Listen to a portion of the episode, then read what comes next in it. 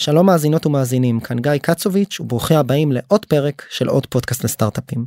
בפרק של השבוע ראיינתי את שירן ויצמן, שהוא מייסד שותף ומנכ"ל חברת הסטארט-אפ Shield, חברה המספקת לבנקים וארגונים פיננסיים התראות על מקרים של מניפולציות במקום העבודה באמצעות ניטור התקשורת בארגון. חברת Shield הוקמה ב-2018 ולמעשה צמחה בשנים הראשונות באופן אורגני, bootstrap, עד שהיזמים החליטו כעבור שנתיים וקצת לגייס סבב גיוס ראשון של 15 מיליון דולר. שוחחתי עם שירן על השנים הראשונות של החברה, איך בונים חברת bootstrap, למה בסוף הם החליטו לגייס כסף וכמובן כמובן איך המשבר הנוכחי משפיע על החברה מבחינת כוח האדם, האם הם הולכים לפיטורים ואיך נראים תנאי הגיוס הבא נוכח המצב הנוכחי. שתהיה האזנה נעימה. עוד פודקאסט?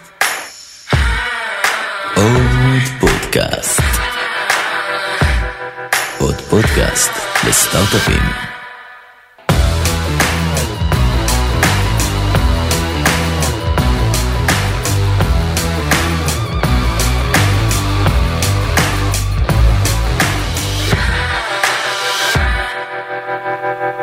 שירן, בוקר טוב. בוקר טוב, מה קורה?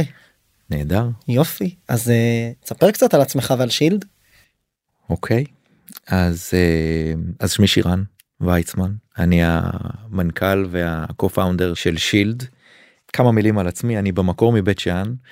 גדלתי לאחר מכן אה, בפנימייה הצבאית בחיפה שליד בית הספר הריאלי. אה, לאחר מכן שירות בצנחנים הייתי קצין עשיתי מגוון תפקידים שונים. צריך להגיד שהמחשב הראשון שפגשתי היה בתואר הראשון. אה, למדתי תואר ראשון מדעי המחשב ולאחר מכן באמת עסקתי בתוכנה במשך אה, כמה שנים. די מהר הבנתי שה passion שלי הוא לא שם ה passion שלי היה במקומות אחרים הרבה יותר באזור ה, אה, באזורים העסקיים ומקום העבודה שלי אז NICE נתנו לי את האופציה באמת לעבור לעשות את ה shift הזה מפיתוח למכירות שזה לא טריוויאלי. ושם בעצם פיתחתי את הקריירה שלי עד לפני אני חושב כעשר שנים שם פתחתי את החברה הראשונה שלי שבאמת הייתה חברה שעשתה שעסקה בשירותים וייעוץ לבנקים בעולמות של financial compliance וכך הגענו לאיפה שאנחנו היום הייתי אומר fast forward שלפני חמש שנים הקמתי את Shield ביחד עם אופיר השותף שלי. החלטנו להקים את Shield שמטפלת בבעיה מאוד מאוד אה, ספציפית שחוויתי אותה כחלק מה... מהיותי subject matter expert בתעשייה הזה mm-hmm. זה שאני אה, אה, דיברתי עם בנקים חקרתי את התופעה אה, אה, ראיתי את, ה, את החוקים ואת הרגולציות מתהוות ראיתי את השינוי של ה digital transformation קורה ואת הבנקים חווים את זה זה הוביל אותי לאיפה שלהקים את שילד ולאיפה שאנחנו היום. ואם אני נותן אה, בכמה מילים מה עושה שילד אז אני חושב שכדי להבין מה שילד עושה חשוב חשוב לי קודם כל להסביר שאתה יודע מה אנחנו בני אדם אנחנו יצורים אה, אה, אה, יצורים שאוהבים לתקשר אנחנו אוהבים לשתף מידע אנחנו אוהבים לחלוק מידע אנחנו אוהבים להיות מאוד ורבליים היום זה לפעמים גם דיגיטליים דיגיטליים יש אנלוגי בסדר? ודיגיטלי כן. בדיוק כן. אבל בכל מקרה זה דרך להעביר מידע זה דרך של בני אדם לתקשר לחוות ביחד דברים להעביר רגשות וכל מיני סוגים שונים של מידע. והאירוע הזה הוא אירוע שהוא היה קיים משחר ההיסטוריה בסדר? פעם היו מדליקים מדורות כדי להעביר מידע אה, אה, היו שולחים יונות דואר היו כותבים מכתבים. היום כותבים אסמסים היום כותבים מיילים כן. היום אה, אה, אה, עושים דברים אה, בצורה דיגיטלית. גם דרך העברת המידע השתנתה. אם פעם זה היה כתוב בצורה מאוד ברורה ורשמית היום אנחנו נכון יש הודעות קזואליות כאלה. כן מחככה ל-LOL לסמיילים ועוד uh, דברים דומים. אז אתה לאן אתה מגיע עם זה? כי יש פה נקודה. בדיוק וארגונים בסדר? וארגונים פיננסים ששם זה זה המוקד של, ה, אה, של העיסוק שלנו נדרשים ל- לעקוב ולנטר את התקשורת של העובדים שלהם למטרות של market manipulation.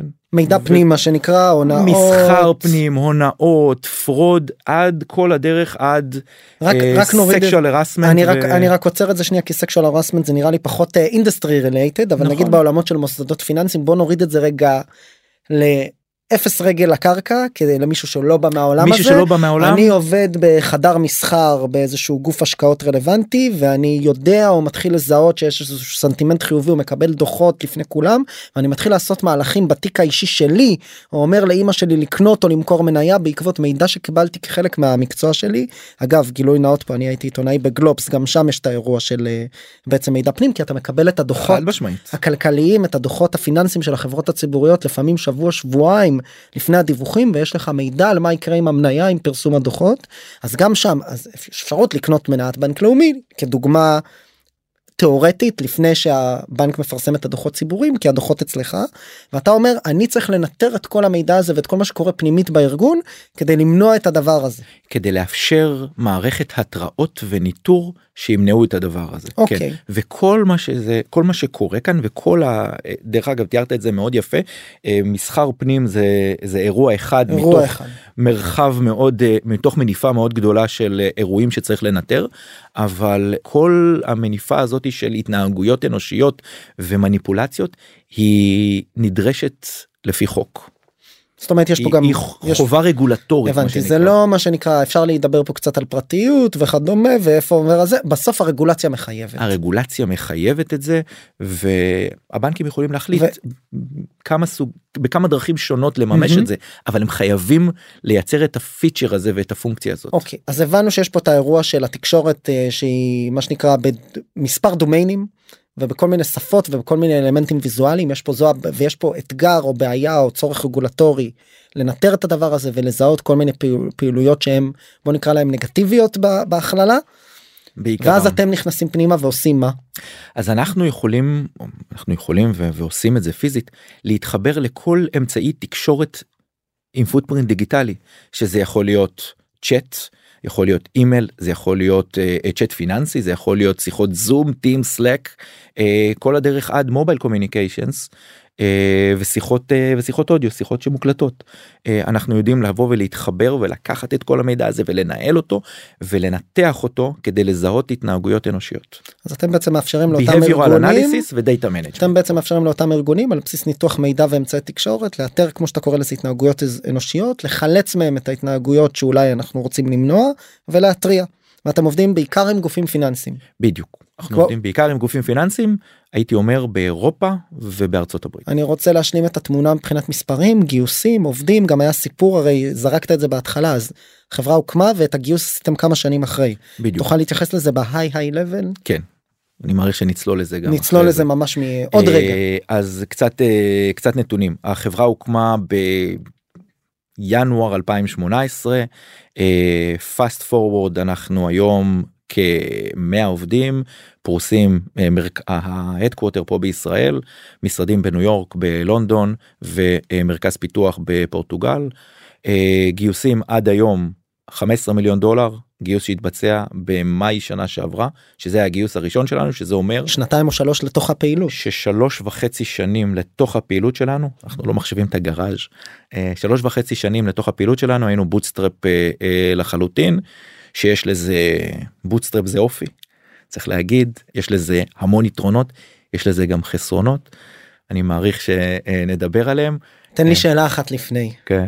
אז דיברנו על זה גם קצת לפני הפרק הסיפור הזה של לבוא ממקום שבו אתה קראת לזה subject matter expert בעצם סוג של מומחה בתחומך ומשם לחשוב או לאתר כאב וגם אחרי זה למצר אותו שזה מילה שאני עד היום חושב שהיא לא מילה אמיתית למרות שאני משתמש בה הרבה אבל היא נהדרת. בעברית. לייצר להכין לבנות על גבי המוצר טכנולוגי scalable סטארט-אפ related. תתאר קצת את התהליך שעברת שם זאת אומרת עוד בחברה הקודמת איזה בעיה זיהיתם בדיוק ומתי הבנתם שאפשר לבנות סביב זה עסק טכנולוגי או סטארט-אפ. אז אני אלך לסוף ההבנה שאפשר להקים על זה סטארט-אפ קרתה רק שנה אחרי שהקמתי את שילד. זאת אומרת נהיה- עד אז אתה לא באמת יודע. אם נהיה כנים זה בתור יזם אתה מהמר אנחנו כל הזמן בהימורים בהימורים עסקינן יש יזמים שמצליחים אה, ב-take הראשון שזה קרה אצלנו יש יזמים שעושים פיבו- פיבוטים לאורך הדרך. אה, אבל אה, האמת היא שנתקלתי בזה פיזית והייתי חייב להתעמת עם הבעיה פעם ראשונה כשאחד הלקוחות שלי ביקש היה צריך פתרון. פתרון שבדיוק נגע בליבת ה, בליבת ה, העסקים של שילד כרגע כן? הוא היה צריך פתרון אלקטרוני communication surveillance זה נקרא ב, אה, ל, לעובדים שלו בארצות הברית כתור, כ, אה, כתוצאה מרגולציה שנקראת דוט פרנק. בסדר לא פחות רלוונטי. אה, וזה הכריח אותי לצלול פנימה להסתכל על, ה, על התעשייה כן ולהסתכל על כל המתחרים שלי היום כן ולהסתכל על ולראות ולבחון איזה מוצר יש להם ולראות האם על בסיס מוצר אחד או יותר אני מסוגל לפתור את הבעיה. דרך אגב אה, פתרתי את זה מכרנו את זה ללקוח זה היה הצריך מאיתנו לקנות משלושה vendorים שונים לחבר את זה ביחד במאסקין טייפ ו... Mm. ו... ודבק עם professional פתרון שמנטר Zoom פתרון שמנטר אימייל פתרון ש... ופתרון שונה שעושה archiving ומאפשר לנו להיות בטוחים שכל התקשורת שם מה שנקרא completeness ו-quality והכל מהמם. אה, אז היינו צריכים לפחות שלושה פתרונות שונים לחבר יחד אז נשמע לי קצת אתה יודע אני בסוף מסתכל על זה בפשט של הדברים אני אומר יזם או יזמת שומעים על זה הם אומרים אנחנו מאתרים איזה בעיה או איזה אזור בשוק כל שוק שהוא שיש בו בעיה ויש בו פתרונות ואגב זה תמיד בניגוד לקאנטר אינטואיטיב זה שתמיד טוב שיש פתרונות כי זה אומר שיש ביזנס ויש שוק. נכון. יש מישהו שמוכן לשלם על זה ויש budget line בצד השני שיודעים איך לשלם. אבל אז אתה אומר זה בסדר שיש מתחרים ראיתם שאין איזה פתרון שהוא one size כזה all in all פלטפורם ואתם תהיו הפתרון הזה אבל אבל זה נשמע מאוד פשטני הרי בסוף זה, זה, אני בטוח שזה לא הדבר היחיד לא, שהבאתם לשוק. זה באמת לא הדבר היחידי שהבאנו לשוק אבל אני אומר אני הסברתי רק איך הגענו איך הגעתי כן, לזה כן. כן אמרת אוקיי יש פה כמה בסוף, פת- לא בסוף הגעתי ללקוח שכדי לפתור את הבעיה הזאת הייתי צריך לחבר שלושה ביחד חיברנו את זה ביחד. הלכנו לתהליך אימפלמנטציה של שנתיים וחצי Mm, זה הרג אותנו בדרך הרג את הלקוח בדרך כן כמובן מטאפורית אמ, ואחרי שנתיים וחצי עלינו ל-production שבוע לאחר שעלה לפרודקשן מייקרוסופט שינו איזה משהו קטן בתקשורת. הקריס את הכל. כל המערכת קרסה. למה הוא שינה איזה נקודה פסיק איזה צ'ופצ'יק קטן למה זה צריך לקרות וזה אה, ובמקביל אני אה, אתה יודע הבנתי שבאירופה הולכת לצאת חבילת רגולציה וחוקים שתחייב את כל הבנקים אנחנו מדברים על שנת 2015 2016 כן ו, ו, וזה פשוט לא היה הגיוני שהפתרונות כל כך שבורים. הפתרונות הם בסופו של דבר אם אנחנו מסתכלים אם הסתכלתי על אם אני גם היום מסתכל על התעשייה זה פתרונות שצמחו לתוך בעיה ספציפית מה שנקרא point solution. בסדר מישהו היה צריך להקליט אני בחברה הקודמת שלי כן היינו צריכים להקליט אודיו אז יש אחלה פתרון לאודיו. ולאחר מכן מישהו היה צריך לעשות archive לאימיילים אז יש אחלה backup לאימיילים אבל זה עובד בנפרד.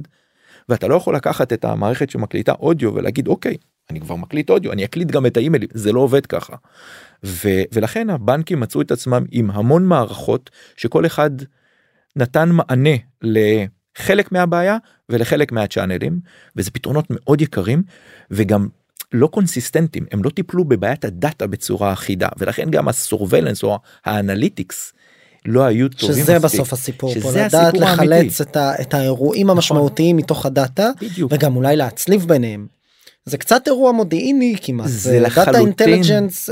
לחלוטין זה לחלוטין אירוע מודיעיני אפשר להסתכל על זה גם זה מאוד דומה לח, ל, לאירוע סייברי שאני מבין את ה-root cause ולהבין ולהבין את כל ה-flow של איך הגענו לזה זה לחלוטין אירוע מודיעיני פשוט בעולמות ה-compliance בסדר בעולמות ה-compliance ומה שאנחנו הבאנו לשוק זה את היכולת מצד אחד להסתכל על הבעיה end to end.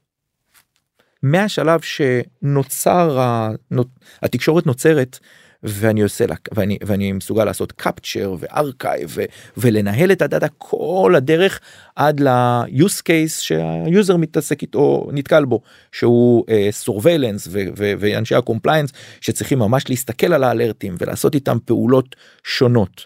Uh, ולא הייתה מערכת אחת כזאת שעשתה את זה לא הייתה מערכת שעשתה פרודקטיזציה מלאה שבאה ואמרה תקשיב uh, אדון בנק אתם בנק תתעסקו בבנק אל תתעסקו בעכשיו לייצר פרויקט שמכין את הדאטה ועושה data ingestion ו- ו- ו- תביאו ותהליך לנו. גישה ואנחנו נטפל. רק תיתנו גישה אנחנו בסוף חודש עד שלושה חודשים נותנים לכם מערכת שמטפלת בפטה בייט של דאטה. לא היה דבר כזה חייב להגיד שעדיין נורא קשה למצוא מתחרים שלנו שמסוגלים באמת לדלבר דבר Mm. כזה אבל לבוא ולתת את זה end to end וש- שהלקוח לא צריך לעשות כלום כל הדרך עד ה-behavioral models אנחנו נותנים out of the box. זאת אומרת אנחנו מסוגלים לבוא ולאפשר לבנק להיות compliant מבחינתו או להיות אה, מבצעי fully compliant במערכת אחת. במערכת אז- אחת בזמן מאוד קצר. אז הרמת לי פה להנחתה בדיוק לשאלה הבאה על הנושא של ה bootstrap אבל פה אני רק אעשה איזשהו איזשהו recap למה שנאמר. כי בעצם מה שאני שומע זה אוקיי הבנו מתוך הביזנס הקודם שיש פה בעיה. אחד הלקוחות אפילו פנה וראינו הדבקנו לו כמה פתרונות זה גם לא עבד זה אחרי לא- שנתיים זה של לא היה הטמעה. Shield, זה היה שירן באופן אישי. מה, כסב- ומשם כן. מגיע Shield עכשיו ספציפית ב Shield אתה מתאר אנחנו שנייה נקפוץ לאמצע לא לסוף עשינו bootstrap. ורק אחרי שנתיים שנתיים שלוש גייסנו seed seed מאוד משמעותי אבל גייסנו. ועד אז חיינו מה שנקרא מה-P&L מההכנסות וההוצאות מצד שני הנה האיפכא של זה אפרופו עולמות המודיעין אתה מתאר מוצר מאוד מאוד מורכב. נכון. אני מצטט אותך מטפלים בפטות של אה, בייטים ואנחנו מדברים על הרבה מאוד מדיומים והרבה מאוד טכנולוגיות שהם integrated לתוך פלטפורמה אחת. איך מצד אחד בחרת לעשות bootstrap ומצד שני אתה מייצר bootstrap מוצר לארגונים כבדים לקוחות פיננסים אני מההיכרות שלי בזווית הצרה שלי כמשקיע הון סיכון אנחנו כולנו משקיעי הון סיכון יש לנו זווית צרה למרות שאנחנו חושבים אחרת. מבחינתי זה לקוחות שקשה למכור להם. ה sales cycle הוא ארוך יש רגולציה אתה צריך להיות compliant לרגולציה הזו. זה לא פשוט וברמה הטכנולוגית מוצרית אתה בונה פה פתרון מורכב. איך שני הדברים האלה הולכים ביחד? בוא נדבר רגע על המתח הזה ואז נדבר על המסע הבוטסטראפי או תוך כדי. אז אתה צודק אה, בסוף שאנחנו מוכרים לבנקים זה ה enterprise grade המוצר אנטרפרייזי חייב להיות חייב להיות אמיתי כדי שאתה תהיה מסוגל לעבור את כל המסננים של ה- את כל המסננות של הבנקים. אה, ובאמת אה, תהליכי מכירות מאוד ארוכים בבנקים. וזה מערכת מורכבת מערכת שמטפלת בהמון מידע מערכת שאסור לה לאבד דאטה יש המון מורכבויות מול זה. אנחנו קיבלנו מספר החלטות במהלך הדרך כל- או בתחילת הדרך כן קודם כל אנחנו החלטנו שאנחנו לא מוכרים בישראל. צריך להגיד את זה כן. דבר שני החלטנו למה? כי אנחנו אה, חשבתי קודם כל הבעיה פחות מהותית בישראל כי הרגולציה בישראל עם כל הכבוד עדיין לא שם אוקיי. כמו בארצות הברית ובאירופה אבל צריך להגיד גם שאני מניסיוני בעבר למכור ל, למכור ללקוחות ישראלים כשהחברה הישראלית יכול לשעבד את החברה. ל, אני מאוד ל, מסכים. ל, ל, לאירוע הזה. מאוד מסכים. זה- זה, זה לקוחות שהם גם מה שנקרא קוראים ו- לזה בהון סיכון הם, אה, אה, יש ביטוי זה אגב לא אני זה קרנות אחרות אומרות זה לקוח לא ולידי. כלומר הוא לא מייצג בהכרח את איך שמתנהג לקוח אחר את איך שהצרכים שלו את איך שנראה הסל סייקל את הרגולציה שמופעלת עליו. ואם אתה רוצה לפנות לכל השוק אז אתה מראש לא בונה מוצר שמותאם לישראלי כ early adopter אז מסכים. נכון. הדבר השני זה שהחלטנו שאנחנו פונים ל mid market. זאת אומרת אנחנו מחפשים לקוחות פיננסים לא Bank of America לא Bank of America ולא Citi ולא Barclays אוקיי? אנחנו מחפשים second tier אה, second and third tiered בנק כי אנחנו יודעים שאנחנו נפשל big time ב deployments הראשונים אוקיי?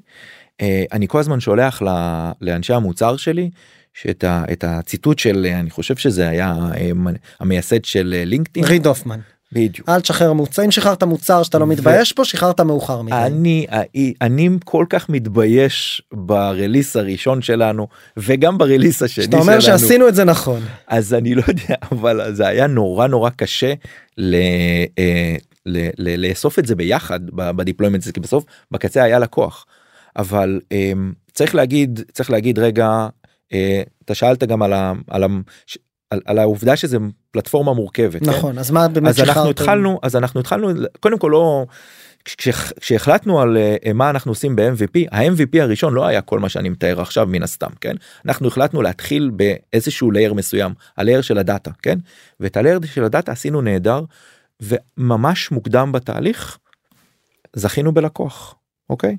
והיינו ב... אה, הרגשנו מאוד בנוח עם זה זה קודם כל אפשר אה, זרימה של כסף אז זה היה ה seed money שלנו לצורך העניין כן אה, ו... ויצא לנו להתחכך בדאטה ולשפר ולהבין קצת יותר מה אנחנו עושים ואיך אנחנו עושים את זה אז זה לא היה בריק לא ישבנו במעבדה ופיתחנו לא היה לנו את הלוקסוס הזה כן.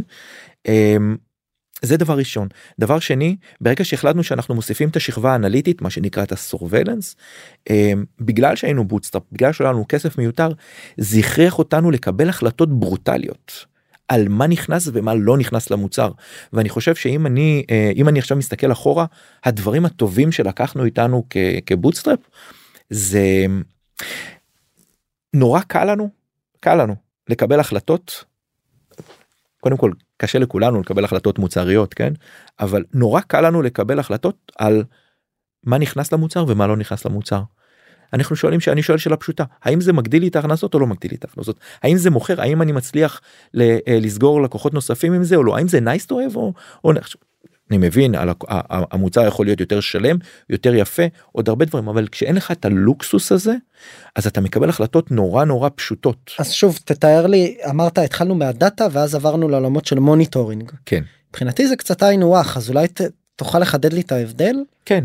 כשהתחלנו Shield 1.0 מה שנקרא היה אה, פלטפורמה דאטה בלבד. זאת אומרת כדי להשתמש במערכת אנחנו ניהלנו את כל הדאטה שנקרא electronic communication בבנק. הבנתי תעביר לי את הדאטה או תן לא לי להתחבר אני אליו. מתחבר לדאטה שומר אותו ומעליי אם אתה רוצה monitoring אם אתה רוצה analytics תבוא מערכת אחרת ואני עושה איתה אינטגרציה. הבנתי אני רק אה, מאחד אני- אותו מה שנקרא אני מפרמל אותו אני מנרמל אותו מנרמל אותו אותו ו- מאנדקס אותו מאנדקס אותו מאפשר את כל ה, את כל הגישה לדאטה בצורה מאוד מאוד נוחה ומעליי תבוא מערכת אנליטית הבנתי. ככה התחלנו בהמשך החלפתם גם את כלי ה monitoring עצמם שמקפיצות התראות בהתאם לזה כי אתם כבר החזקתם את הדאטה לא רק זה לקוחות באו וביקשו מאיתנו לעשות את זה כן כי אני כי משתמש באו- בארבעה חמישה כלים ומה קורה. לא הם- יותר מזה הם באו ואמרו רגע. יש מעליי מערכת של חברה x כן היא נותנת לי התראות לא טובות מה שנקרא false positive מאוד מאוד גבוה ויש להם המון המון מגבלות. עכשיו שוב פעם זה מערכות הרבה יותר בשלות כן? אבל זה מערכ, מערכות אנליטיות שהן קצת גנריות. הן יודעות לתת מענה ל contact center ויודעות לתת מענה לבנק. זה לא אותם צרכים זה לא אותם דרישות. ובאו ואמרו תשמעו אתם יכולים לעשות גם את החלק הזה? אמרנו בוודאי אבל הסיפור פה של הפוקוס הוורטיקלי ושל להתחיל מאיזשהו רגל בדלת ואז להתרחב מאוד מאוד חשוב מאוד חשוב. ועד היום ה- ה- הנרטיב שלנו הוא תמיד להיכנס עם דלת עם- עם רגל בדלת ללקוחות בסדר לקוחות קטנים לקוחות גדולים.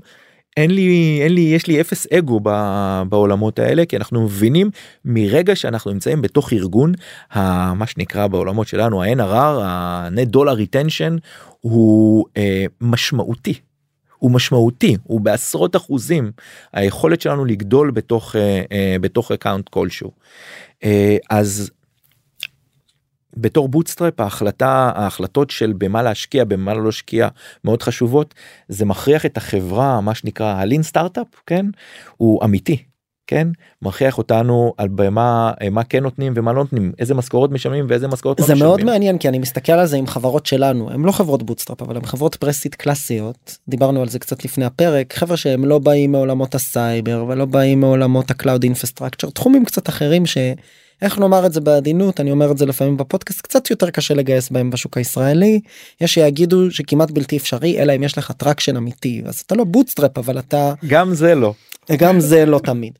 ואז בהקשר הזה אני הרבה פעמים רואה בטח ובטח בחברות אחרי שהם בשלבי הצמיחה כבר ומגייסות seed ו-A ו-B שיש איזשהו DNA של החברה שהוא קצת שונה מה-DNA של החברות שמגייסות סידים של 5-10 מיליון דולר על מצגת כי הם כבר יודעים להתנהל עם P&L הם יודעים לבדוק את ה-net revenue retention שלהם הם יודעים להסתכל ולראות כמה הם מוציאים על marketing ועל business וכמה דולרים זה מייצר להם בצד השני.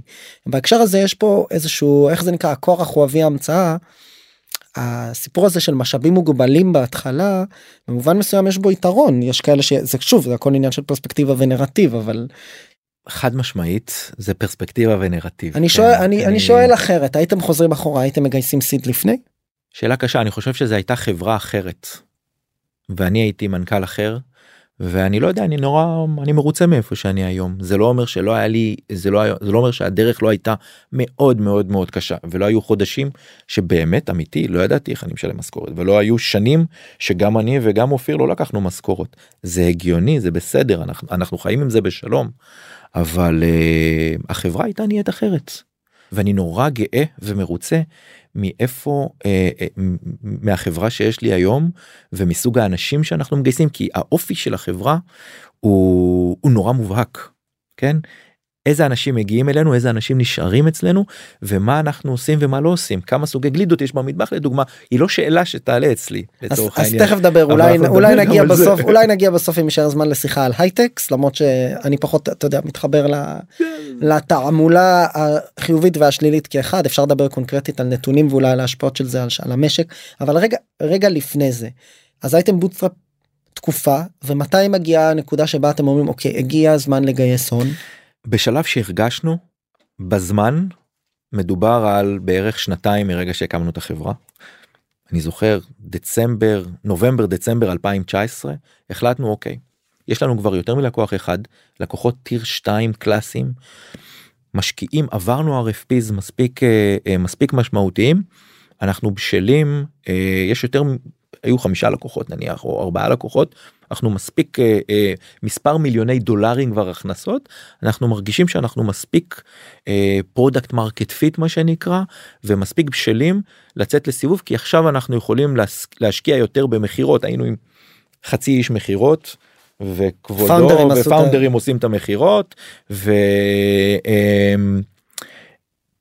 וכמובן אה, ללא משרדים בשום מקום וכולי וכולי. והחלטנו שאנחנו יוצאים לסיבוב והיה לנו לא רע אנחנו מדברים ינואר פברואר 2020 היה traction לא רע כבר הגענו לאיזשהו שלב של due diligence עם שתי קרנות במקביל. בסדר איזשהו pre due diligence לפני ה term sheet. ואז בפברואר מגיעה בס- הקורונה. בסוף סוף פברואר 2020 מודיעים אנחנו הם היו צריכים להגיע לישראל אה, לביקור אה, כדי לעשות את זה מודיעים שהם אה, כרגע משהים את זה וננסה לעשות את זה אונליין. שבוע לאחר מכן הם מודיעים שהם כרגע מתרכזים ב... הם לא יודעים מה קורה מתרכזים ב... ב... בחברות הפורטפוליו שלהם ובוא נשמור על קשר ונדבר אולי עוד שלושה חודשים. אנחנו באותה נקודת זמן הבנו ש... כנראה לא יקרה הסיבוב הזה ואין טעם ל... אין טעם אה, ללחוץ על הגז זה רק ייצר לנו אנרגיות לא טובות והחלטנו לחזור אחורה ולהגיד אוקיי ולהסתכל אחורה על, הפ... על, ה... על ה pipeline שלנו ולהגיד אוקיי איך אנחנו יכולים כמה שיותר מהר לייצר עכשיו כמה שיותר כסף. וללחוץ את ה... וללחוץ לחזור את לעשות. execution להביא לקוחות execution והכל גם אם אנחנו לוקחים על עצמנו טיפה להתחייבויות על אה, אה, על roadmap וזה בדיוק מה שעשינו במהלך של תוך חודש אני חושב עד סוף אפריל הגדלנו את ה... הגדלנו את ההכנסות בעוד מיליון וחצי דולר החלטנו שאנחנו ואז הגיעה קורונה כן סגרנו את המשרדים כולם עברו ל remote קצת צמצמנו פה ושם. החלטנו שאנחנו לא מפטרים אנשים החלטנו שאנחנו לא מצמצמים לאנשים משכורות כי זה לא הגיוני ב- ב- כי עדיין יש לנו המון לדלבר ועדיין יש לקוחות שמחכים בקצה. אנחנו פשוט נהיים עוד יותר lean ממה, שאני, ממה שהיינו. והמשכנו באותה דרך והמשכנו ככה עוד שנה.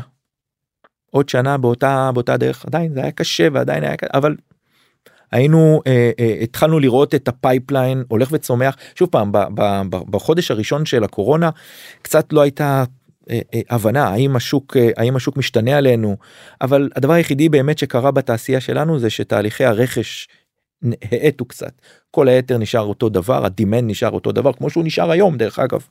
אה, ו... והחלטנו שאנחנו ממשיכים bootstrap עכשיו עוד שנה נראה שהשוק יתאושש ובאמת לקראת אה, ינואר 21 החלטנו שאנחנו יוצאים ל, אה, לגיוס לג- שוב. לגיוס אה, שוב פעם ולקראת מאי סגרנו את הסיבוב הזה השהינו את ההודעות כי היינו במשא ומתן עם כמה לקוחות שלא רצינו שזה יפגע בו כי ש, שזה יפגע בזה אבל אה, אה, במאי 21 סגרנו את, ה, סגרנו את הסיבוב.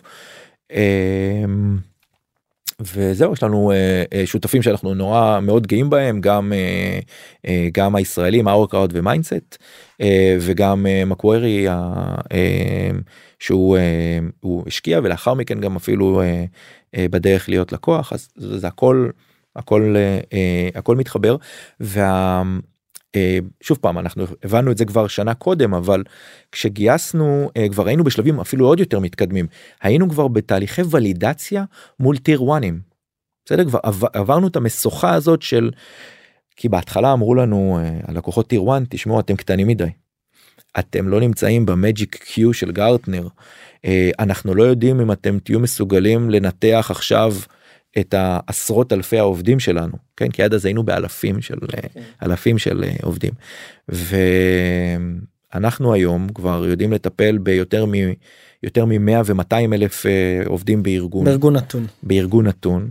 אה, שזה עברנו כמויות אדירות של דאטה כמויות לנתח. אדירות של דאטה שרק הולך וצומח כל הזמן. כן, כי כל וה- פעם מוסיפים עוד פלטפורמות ועוד אמצעי מוסיפים תקשורת. פלטפורמות ונותנים לאנשים את הגמישות לעבוד remote ולעבוד מהבית שמייצר עוד המון ועוד הרבה יותר אה, אה, תקשורות אלקטרוניות שזה תחשוב זה זה, זה business enablement נהדר כן זה מאפשר לאנשים להיות זמינים כמעט בכל מקום ולאפשר להם לעשות עסקים עם הלקוחות שלהם ברור. בכל מקום מצד שני ה footprint של זה הוא משמעותי ובעולמות שלנו של financial services הם חייבים לשמור evidence מצד אחד והם חייבים לנתח את זה. בוא נדבר על הגיוס הנוכחי קצת ומה בינו לבין הגיוס הקודם. אני רק אה, אעשה פה איזשהו the context את הנרטיב. בעצם יצאתם לגיוס ראשון אחרי תקופה של bootstrap עם מה שאני מבין בין השורות מיליוני דולרים של הכנסות בסופו של דבר. גייסתם 16 מיליון דולר נכון? זה סיבוב שהוכרז סיבוב seed סיד פלוס איי קטן קוראים אין משמעות לאותיות אין יותר משמעות היום. לאותיות. אמ, יש דוח כזה יפה שוויולה הוציאו על ה-state of אה, funding בישראל הם הוציאו גם דוח על היוניקורנים אז אחד מהסעיפים שם זה אין משמעות לא- לאותיות אתה בודק סיבוב לפי הקלאס של המניות כמה קלאסים אה, הוצאת קודם לפי האם זה הסיבוב הראשון של VC לפי השווי והוולו. Nobody knows. אז נשים את זה בצד. סיבוב של 16 מיליון דולר כן. ועכשיו אתם נמצאים בעצם במגעים לסיבוב נוסף. אנחנו לא נדבר פה על הפרטים או על הקרנות כמו שאמרנו אבל אנחנו כן בזמן הקלטת הפרק הזה השוק כבר ירד באחוזים משמעותיים הריבית עלתה לפי הצפי היא תעלה בכל הבנקים המרכזיים שוב חלקם יפסיקו הפסיקו כבר להדפיס כסף אינפלציה וכל זה מחלחל מהשוק הציבורי לשוק הפרטי ו- ורואים מכפילים נמוכים יותר על ההון ועל ההכנסה ברוב החברות בטח בשלבי הסיד והפרסיד אבל כמובן גם בשלבי הצמיחה. אז אמרנו שתיתן קצת הטייק שלך אני יותר מזה אשאל מה ההבדל בין לגייס עכשיו בזמן אמירת מילים אלה ביולי 2022 לעומת לצאת לגייס בפברואר מרץ 2020 והאם אתם מזהים איזה שהם הבדלים האם פה המשבר כדי להישאר או לא קצת הפרספקטיבה שלך בתור יזם שפגש קרנות ושמע פידבקים מאוד רלוונטי לכל יזם או יזמת שרוצים לצאת לגייס עכשיו. כן. אז אני אגיד ככה. מרגע שגייסנו בטח יזמים שגייסו יודעים שמרגע שהכרזת על הגיוס פתאום אתה מקבל המון טלפונים והמון פניות כן מקרנות לפעמים גם קרנות גדולות כן שפתאום לא היית על הרדאר שלהם וה, והאנליסטים שלהם לא ראו את החברה קודם וזה יושב להם בול אז הם כולם רוצים להכיר אתה וכולם מדבר רוצים אחרי לשבת. שהכרזת על הגיוס הראשון זה כשלעצמו כן. אה, אה, נכון זה מנוע דיל פלו לקרנות. נכון וכולם רוצים לשבת ולדבר ושואלים מתי אתה בסיבוב הבא עכשיו יש לנו כסף תגיד האם אתה פתוח עכשיו לסיבוב. ולי יש כמה יש לי כמה טיקים לי באופן אישי. אני חושב שיותר מדי כסף בחברה לא טוב בסדר זה מייצר. זה אה, עוד מה bootstrap אה, שאריות מה bootstrap. זה זה אתה עוד מעט תבין שהשאריות מה bootstrap הן משרתות אותנו נאמנה היום בתקופה בימינו כזו אלו. בוודאי. אה, אבל יותר מדי כסף מייצר אה, לא אומר השחתה כן אבל מייצר אה, יכול בקלות להוביל אותך לחוסר פוקוס ול, אה, ולכל מיני תהליכים לא בריאים בחברה.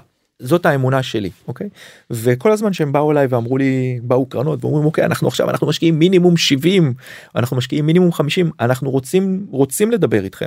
אני כל הזמן אמרתי להם תשמעו לא עכשיו כשאנחנו נהיה מוכנים זאת אומרת שיהיה לנו תוכנית ואנחנו נדע באיפה אנחנו משקיעים את הכסף והיא תהיה תוכנית שעומדת בפני עצמה וצריך להגיד לי תוכנית שעומדת בפני עצמה אני תמיד יודע לבוא ולהביא את החברה לרמות של מכירות מסוימות ואני יודע איך אני מביא את החברה ל break even ולזה זה השאריות מה bootstrap. פה אני רוצה קצת להציק לך סתם כי נפלת עליי ביום אחרי שקראתי מאמר של אה, עמרי זרחוביץ' מדה מרקר הוא היה כתב טכנולוגיה בגלובס עבר לדה מרקר. הכותרת שלו אני לא זוכר מה היא הייתה אבל הנרטיב היה בגדול התייחסות של מנכ"לים מהשנתיים האחרונות כן. לא שלך בטח קראת את זה קראתי. על המנכ"לים של היוניקורנים וכולי אל תתבאס עליי שאני שואל אותך לא את זה. בשמחה. והוא אמר כל המנכ"לים של השנתיים האחרונות אמרו אה אנחנו נגייס זה בסדר גם אם לא נעמוד ונצדיק את השווי יש לנו revenues אנחנו עסק בריא. בהינתן יום פקודה שזה התקופה הנוכחית אנחנו נדע להגיע לרווחיות. הוא אומר לך בגדול הסיפה של המאמר אומרת בסדר אפשר לה, אפשר להגיע לרווחיות אבל זה דורש פיטורים קיצוצים וצמצום לפעמים דרמטי של 30-40 אחוז מכוח אדם לפעמים יותר מזה של עשרות ומאות עובדים שיוצאים עכשיו לשוק העבודה וזה עושה נזק במובן אחר. בהקשר הזה אצלך בסדרי הגודל האלה זה מדובר על אותו דבר? עכשיו כדי להגיע לרווחיות אנחנו צריכים לפטר חצי מהחברה? לא לא אוקיי לא. בסדר קודם כל קודם כל אנחנו לא מפטרים להפך אנחנו כרגע מגייסים כי הביזנס צריך אנחנו נדבר רגע על הביזנס שלנו ב, בתקופת המשבר הנוכחית ומה כן. זה אומר על זה כן אבל אמ, אני ברמה האישית כן היה לי מאוד קשה לקחת כסף בסיבוב הראשון כן כי ה- אמ, המשקיעים שלי יודעים את זה. מצד אחד מאוד רציתי כי זה הדבר הנכון לחברה אבל ברמה באמת ברמה האישית שאתה נסמך על כסף שאתה לא יודע מאיפה הוא מגיע או אז הוא מגיע, הוא מגיע מהמשקיעים אבל אתה לא יודע to sustain it כן אתה לא יודע אה, במידה והמכירות לא קורות כמו שרציתי או שיש איזה glitch ב payment terms של לקוח או כל דבר אחר. אז עד אז היה משפיע עליי באופן מיידי אז הייתי יודע להגיב עכשיו פתאום אני לוקח leverage הרבה יותר גדול אני מגייס הרבה יותר אנשי מכירות אני מגייס הרבה יותר אנשי פיתוח ממה שאני באופן בוטסטרפי או באופן אה, אה, ב self financing יודע לממן אותו. וזה היה תהליך שאתה יודע קודם כל זה תהליך שעברתי עם עצמי אבל אה, מאז אני כל הזמן יודע יש לי יש את זה באקסלים שלי כן אפרופו לא כל הקרנות אוהבות את זה שזה יושב ככה באקסל שאני יודע בסוף כל תוכנית עסקית איך אני חוזר להיות סלף uh, פייננס. וצריך uh, להגיד פה שזה המון דברים נהדרים כשבאתי עם זה לחלק מהקרנות אמרו לי תראה זה- לנו צמיחה. זה לא מספיק גרוף כן. זה חברה נהדרת אנחנו ממליצים שתמשיך ככה ואתה תמכור אותה ואתה תהיה איש עשיר. אבל זה לא זה לא זה לא חברה שאנחנו יכולים לממן business כן. זה לא מספיק גרוף בסדר, זה ברוח התקופה של 2020 21 22 אמ, בעיקר אז- 21 20 אז היום וגם גם לפני הסיבוב וגם אחרי הסיבוב אנחנו יודעים ואנחנו ואני מקפיד על זה שאנחנו יודעים להגיע לנקודה שבה אנחנו break even. בסדר בכל נקודת זמן זאת אומרת שהיעדים שלנו הם תמיד יעדים שהם אה, בשנה שנה וחצי הקרובות והם בהלימה עם הבאג'ט שלנו ועם, ה, ועם כל ה, מהמם. הקש פלו בבאג'ט בהלימה עם ה-P&L ועם כל יתר הפרמטרים. אמ, כשהתחלנו או לקראת ינואר אה, לקראת ינואר השנה אה, אנחנו הרגשנו אה, אנחנו מרגישים את המומנטום בתעשייה שלנו כן? תחשוב זה זה זה, זה התעצם בגלל הקורונה אה, וכולם עברו לעבודה ברימוט נכון ו- זה בעצם ו- רק והיברידי. מצדיק יותר את הצורך. זה עוד יותר מצדיק. שום משבר כלכלי כרגע או ירידה בבורסה אה, לא ישפיע על הדימנד או על, ה, על הצורך של הבנקים. להפך כי הוולטיליות בשווקים היא משמעותית לכמות המניפולציות יש בזה יש בזה גם כן איזשהו אה, ברור. אה, יחס ישיר. ו... ואנחנו הרגשנו שזה מומנטום מאוד מאוד טוב יש גם אדפטציה של המון צ'אנלים חדשים שהבנקים פעם לא חשבו לממש נניח וואטסאפ כן.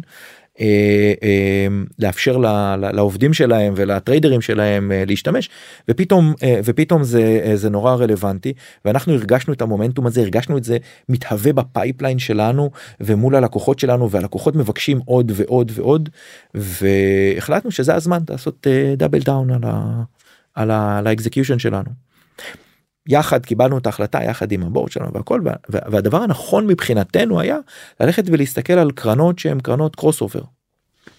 קרנות crossover מי שלא יודע זה הקרנות שמשקיעות גם ב public sector וגם ב private sector. ו... ועשינו תהליך מבחינתנו מאוד סדור החלטנו על זה בינואר עשינו תוכנית עסקית אה, אה, והתקדמנו והתחלנו לפגוש קרנות בתחילת אפריל. כן וקרנות שדיברנו איתם בינואר ובפברואר כי הם פנו אלינו ותגידו לנו רק מתי אנחנו מתחילים ותפתחו לנו data room. באפריל כבר אווירת הנכאים וההתעלמות הייתה הרבה יותר גדולה ואנחנו הבנו תוך שלושה תוך שלושה שבועות ארבעה שבועות אחרי סבב ראשון של אני חושב 15 קרנות שעשיתי הבנתי שהמצב אה, הוא שונה מהותית. הוא שונה מהותית דרך אגב מ-2020 בעיניי כי ב-2020 באמת לא הייתה שום סיבה חוץ מזה באמת אם העולם היה קורס אז זה נכון אבל אה, המ- המצב עכשיו שונה מהותית מ- מ- מ- מפברואר מרץ 2020 אה, והבנו אנחנו הבנו שיש פה אירוע. יש פה אירוע שהוא אירוע מתמשך כי יש סיבות כל הסיבות המקרויות הן עדיין רלוונטיות. מוכרות ומובנות מורכבות מובנות מי אני שאני אתאר אותם אבל אמ, אמ, זה המצב. ו... והדבר הראשון שעשינו באמת בתחילת אה, בתחילת מאי זה להסתכל על התוכנית ולעשות אדפטציה. אדפטציה אומרת להיות קצת לחזור להיות קצת יותר אה, קצת יותר צנועים אה, להתרכז בתהליכי הליבה או במוצרי הליבה זאת אומרת לא לעשות לנו... עכשיו אקספנסיה ל business חדש לא לנסות את המוצר הזה שאולי יהיה ה-go to לשוק חדש. להתמקד במה שאנחנו יודעים לעשות דאטה ו monitoring. בדיוק. להתרק, להתמקד ב financial services ב capital markets ב electronic communication compliance כאילו ב, ב, ב, באמת בליבה שלנו ולא לצאת כי כי יש לזה מחשבה והפלטפורמות ש, וה, והמוצר שלנו יודע לתת את המענה הזה לארגונים מחוץ ל financial services וזה מאוד מפתה. אבל זה הכריח אותנו להיות מאוד אכזריים פה ולהגיד אוקיי זה לא יקרה עכשיו. אנחנו כרגע מתרכזים ב, אה, ב, בעסקי הליבה שלנו ואנחנו אה, כל מה שחשבנו שאנחנו רוצים לנסות ללכת לכיוונים אקספרימנטליים שלאחר מכן יכולים לייצר אה, גיוון בפורטפוליו שלנו אנחנו כרגע שמים בצד ומתרכזים רק בזה וגם פה אפילו נהיים קצת יותר lean יותר רזים. okay? אוקיי? יותר רזים. אז פיטרתם אה, אנשים?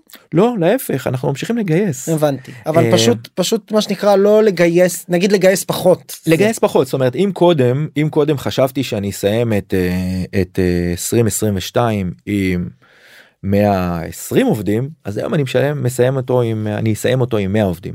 אם חשבתי שאת 2023 אני אסיים עם 200 עובדים אז היום אנחנו נסיים אותם בתוכנית הנוכחית נסיים אותם עם 150 עובדים אנחנו עדיין מגייסים עדיין פשוט מאוד מאוד יותר בזהירות יותר, יותר, יותר, יותר בזהירות, לאט או פחות מהר יותר שמרני צריך להגיד חוזר להיות קצת יותר שמרני.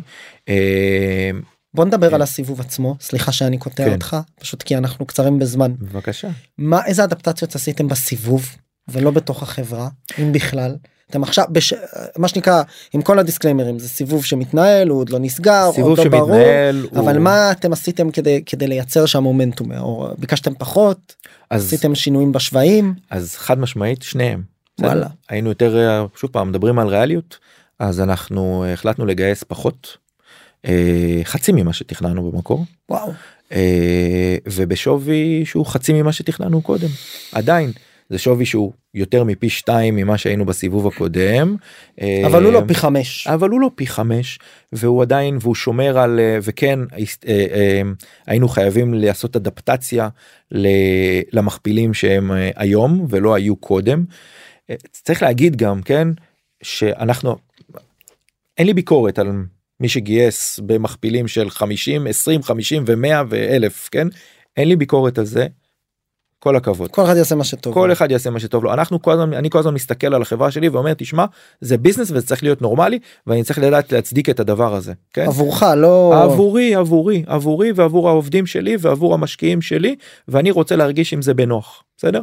וכשאנחנו מדברים על מכפילים שהם אה, מכפילים ריאליים בתעשייה שלנו אז אנחנו מדברים על מכפילים של פי 10 פי 15 פי 20 אוקיי? אמ, וזה תמיד למה ששעה זה, זה תמיד השאיפה שלנו הייתה. היום אנחנו כבר מדברים על מכפילים שהם. ברף התחתון של מה שציינתי. אה, וזה בסדר זה בסדר זה אנחנו אני מבין את זה. אני מבין את זה וזה אה, אם אתה שחקן לטווח ארוך בסדר אם אנחנו שחקנים לטווח ארוך ואנחנו לא לא מתרגשים מכותרת בגלובס או כותרת בדה מרקר ואתה לא מתרגש מהסטטוס של unicorn כן או לא אתה שחקן לטווח ארוך אתה מבין שבסופו של דבר אתה מייצר ערך ואנחנו נביא את החברה הזאת להיות חברה של 100 מיליון דולר מכירות ו200 מיליון דולר מכירות והסטטוסים או לא סטטוסים יתיישרו ואז אנחנו נוכל להחליט אם אנחנו רוצים ללכת ל-IPO או לא ללכת אה, ללכת לכיוון אחר אבל. כל עוד אנחנו מייצרים ערך ויש לנו לקוחות שרוצים את המוצר הזה ורשימת הלקוחות המתהווה ורשימת ה pipeline מתנפחת ונהיית בריאה זה חברה זו, זו חברה בריאה מבחינתי ולשם אני רוצה ללכת. אז אם בסיבוב הזה השווי הוא לא כמו שחשבתי לא קריטי. כל עוד כל עוד אני מרגיש בנוח עם המשקיעים שאני מכניס שהם שותפים שלי לכל אורך הדרך אנחנו מסתכלים על זה. איך הם עוזרים לי לקדם את הביזנס שלי איך הם עוזרים לי לקדם אותי באופן אישי ולקדם את החברה. וזה בסוף מה שחשוב לי. אז הוואליואציות הם יתיישרו בסוף. וגם אם לא יתיישרו בסוף אנחנו נסתדר. יהיה בסדר. יהיה בסדר. יש מנגנונים לטפל בזה. כן הכל בסדר. ו, אמ, ואני חושב שזה מה שחשוב פחות אני שם זה חשוב מאוד באמת חשוב מאוד לשים רגע את האגו בצד ולשים המשחק של כמה אני שווה וכמה אחרים גייסו וכדומה. לא רלוונטי זה נכון אגב גם לשלבי הסיד והפרסיד וזה מתכתב מאוד יפה עם פרקים קודמים שהיו לנו ממש באחרונה כמו עם ינאי אורון מוורטקס ואני שולח את המאזינות ואת המאזינים לשמוע אותם. כן כי זה ממש לא רלוונטי לכל חברה יש את הסיפור שלה ואת המסע שלה וכל אה, אה, כל יזם וכל אה, אה, חברה יש לה אופי שונה וזה בסדר וזה בסדר יש מקום לכולם כל עוד אתה מצליח. להשיג את כל עוד אנחנו מצליחים להשיג את המטרות שלנו ואת היעדים שלנו אנחנו נורא מרוצים. אנחנו נורא מרוצים אנחנו נורא מרוצים איך הסיבוב הזה מתנהל אנחנו נורא מרוצים מהאוטקאם שלו ו... וכשאנחנו נדווח על זה אתם אז. אז נדע. ונבוא לעוד פרק. שירן אני רוצה להגיד לך המון המון תודה מאוד מאוד נהניתי. אני מקווה מאוד שנדבר אחרי הסיבוב הבא ואחרי הסיבוב הבא הבא. המון תודה אחלה יום. היה כיף. חברות וחברים תודה רבה שנשארתם עד סוף הפרק והאזנתם לי. אני מקווה מאוד שהפרק העשיר אתכם ולימד אתכם משהו חדש ואם הרגשתם שלקחתם משהו מהפרק הזה אני ממש אשמח שתשתפו אותו ואת הפודקאסט בכלל כדי שעוד יזמות ויזמים בתחילת הדרך בישראל יוכלו ללמוד על איך להקים ולהתחיל את הסטארט-אפ שלהם. אם אתם רוצות ורוצים לשמוע עוד פרקים אני מזמין אתכם להירשם למעקב כל הלינקים למעקב אחרי הפודקאסט שלנו מופיע ב description וכמובן אתם מוזמנים לפנות אליי או בלינקדאין או באינסטגרם ולספר לי איך נהניתם מהפרק ומה למדתם, או סתם לכל בקשה ותהייה, גם הלינקים האלה מופיעים אצלנו בפודקאסט. תודה רבה ונתראה בפרק הבא.